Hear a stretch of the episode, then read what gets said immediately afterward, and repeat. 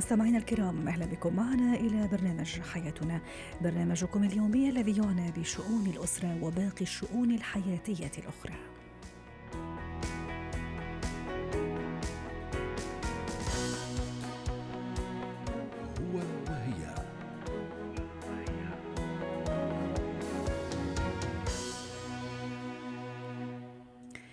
يعد التواصل أحد أساسيات الزواج الناجح وإذا لم يكن فعالا فإنه قد يعرض الزواج للفشل. لذا يجب الحرص على التواصل مع الشريك. الموضوع اليوم هو أشياء تعيق التواصل مع الزوج تحديدا.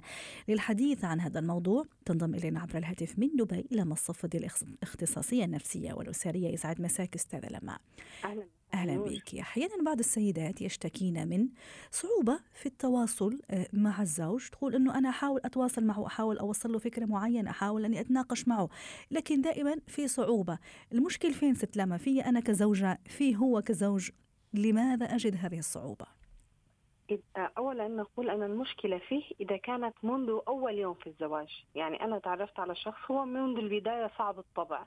وصعب التواصل به فأقول بأنه هذا الشخص هو طبعه فالخيار لدي إما أكمل مع هذا الطباع أو أنسحب. ولكن إذا بعد عشر سنوات أحيانا سنة 25 سنة يعني تبدأ هذه الكلام بأنه أصبح صعب التواصل معه وصعب الميراث. فهنا لابد أن نبحث عن السبب. أحيانا أيضا في السنوات الأولى ست لما سامحيني على المقاطعه في السنة الأولى الثانية الثالثة.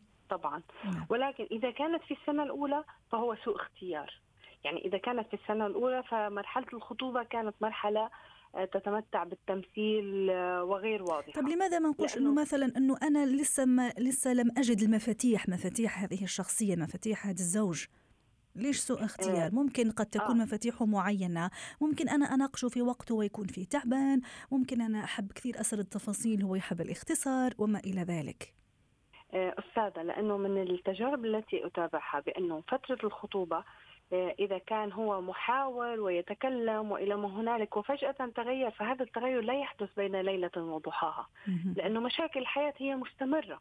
يعني لذلك لا نراها تحديدا في أول سنة زواج إلا إذا كان هو يمثل في العلاقة وفي الخطوبة وبانت شخصيته الأساسية وهو سوء الطبع. يعني في أشخاص هم تربوا على هذا الأسلوب. لديهم عقد نفسية تجاه المواضيع والأحاديث وحتى تجاه العلاقة الزوجية نفسها. ولكن نقول بأنه يظهر فعلا ما تكلمت عنه اللي هو مشاكل في العمل مشاكل في آه، اختيار الوقت المناسب.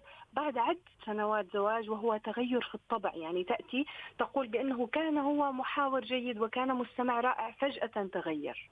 هنا نقول بأنه هذا الشخص يا إما مشكلة فيها نفسها بطريقة إدارة الحوار يعني هي عصبية عدائية لا تختار التوقيت المناسب والمكان المناسب آه هناك مشاكل عميقة وتراكمات نبحث عن السبب. جميل جميل. طيب أستاذة لما أحيانا أيضا آه، في بعض الزوجات أو السيدات يعني يبتدي النقاش بكلام معين ثم سرعان ما يتحول إلى لوم.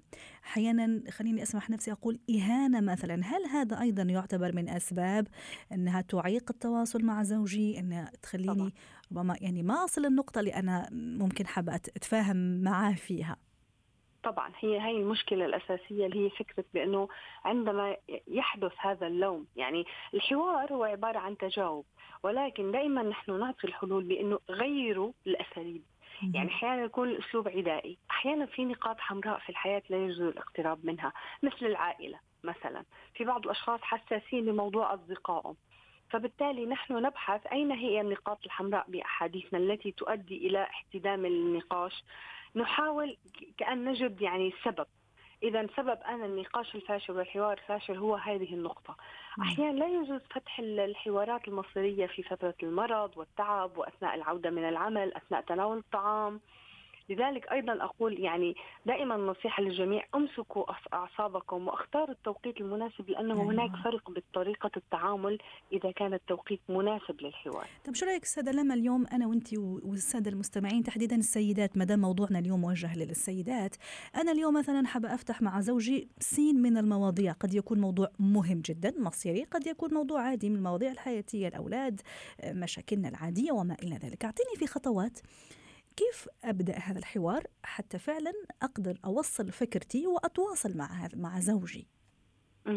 اولا آه، بدء الحوار لابد أن يكون بعيد عن عبارات اللون والذم يعني اللوم والذم. لأنه الكثيرات يلجأنا إلى اسلوب بأنه أنت كنت مخطئ، أنت قصرت مثلا بحق الأطفال، أنت في حياتنا أنا نصحتك ولم تسمع النصيحة. نعم. هذا حوار فاشل منذ بدايته. فبالتالي أكيد بنهاية الحوار هو سيدافع عن نفسه فدائما نختار البدايات المناسبة اللي هي تكون بأنه مشكلتنا مشتركة ونريد أن نبحث لها عن حل نحن نعاني دائما نختار الجمل التي فيها الجمع ولا أقول أنا أعاني أو أنت تعاني فبالتالي يكون وقع استقبال الخبر هو أبسط على النفس. النقطة الثانية عند طرح الحلول أغلب أيضا النقاشات اللي هي تنتهي باحتدام النقاش دائما نقوم بطرح المشكلة بطريقة سلبية. يعني أنا أضع مشاكلي بطرح المشكلة فدائما أختار ألفاظ سيئة أو ربما ألفاظ جارحة للشخص الآخر لأنها تنم عن مشاعري تجاه الموقف. لا المفروض أيضا انه يكون عندي شوي كنترول وتحييد المشاعر طرح المشكلة بواقعية. مثلا نرفض أولادنا فشلوا في التعليم. ما السبب؟ ليس شعوري تجاه الموضوع. آه في عندنا مشكلة اقتصادية نريد أن نبحث لها عن حل. نعم. لدينا مشكلة بالتعاطي مع الأصدقاء. نريد أن نجد الحلول. جميل. النقطة الثالثة إذا وجدنا بأنه النقاش احتدم إيقافه ايقافه بطريقة دبلوماسية وليس الاستمرار فيه لأنه أحيانا الكثير من حالات الطلاق يكون سببها نقاش. يستمر ويتحول لجدل. وحديثنا أيضا اليوم استاذه لما مخ مو يعني مش فقط مشان المشاكل هو التواصل بشكل عام. بمعنى إذا بدي أوصل فكرة أه بدي أقول شيء معين أه ممكن مشروع معين. يعني أحيانا أيضا الزوج بطبعه يعني هو قليل الكلام يحب المختصر المفيد يحب الزبدة يعني من آخر. صحيح. المرأة لا تحب كثير اكزاكتلي المرأة تحب كثير السرد في التفاصيل الخوض في التفاصيل. هذا أيضا أعتقد إنه هذه مشكلة آه، تخليني أنا كزوجة ما أعرف أتواصل وما أعرف أوصل فكرتي. صحيح أيضا المشاكل هي اللي تفضلتي عنها بأنه هي طريقة إيصال الفكرة أن تكون مختصرة ومباشرة وجدا مهم. دائما أنا أقول بالكلام نغمة الصوت. يعني أنت تدركين بأنه الحوار الإذاعي لديك لابد أن تلتزمي بنغمة معينة للصوت حتى تصل إلى المستمع. صحيح. كذلك هي الحوارات.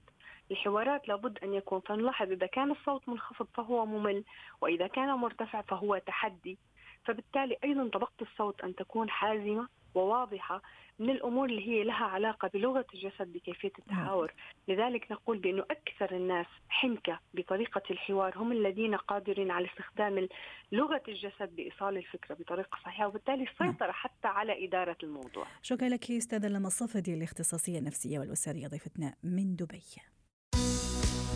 حياتنا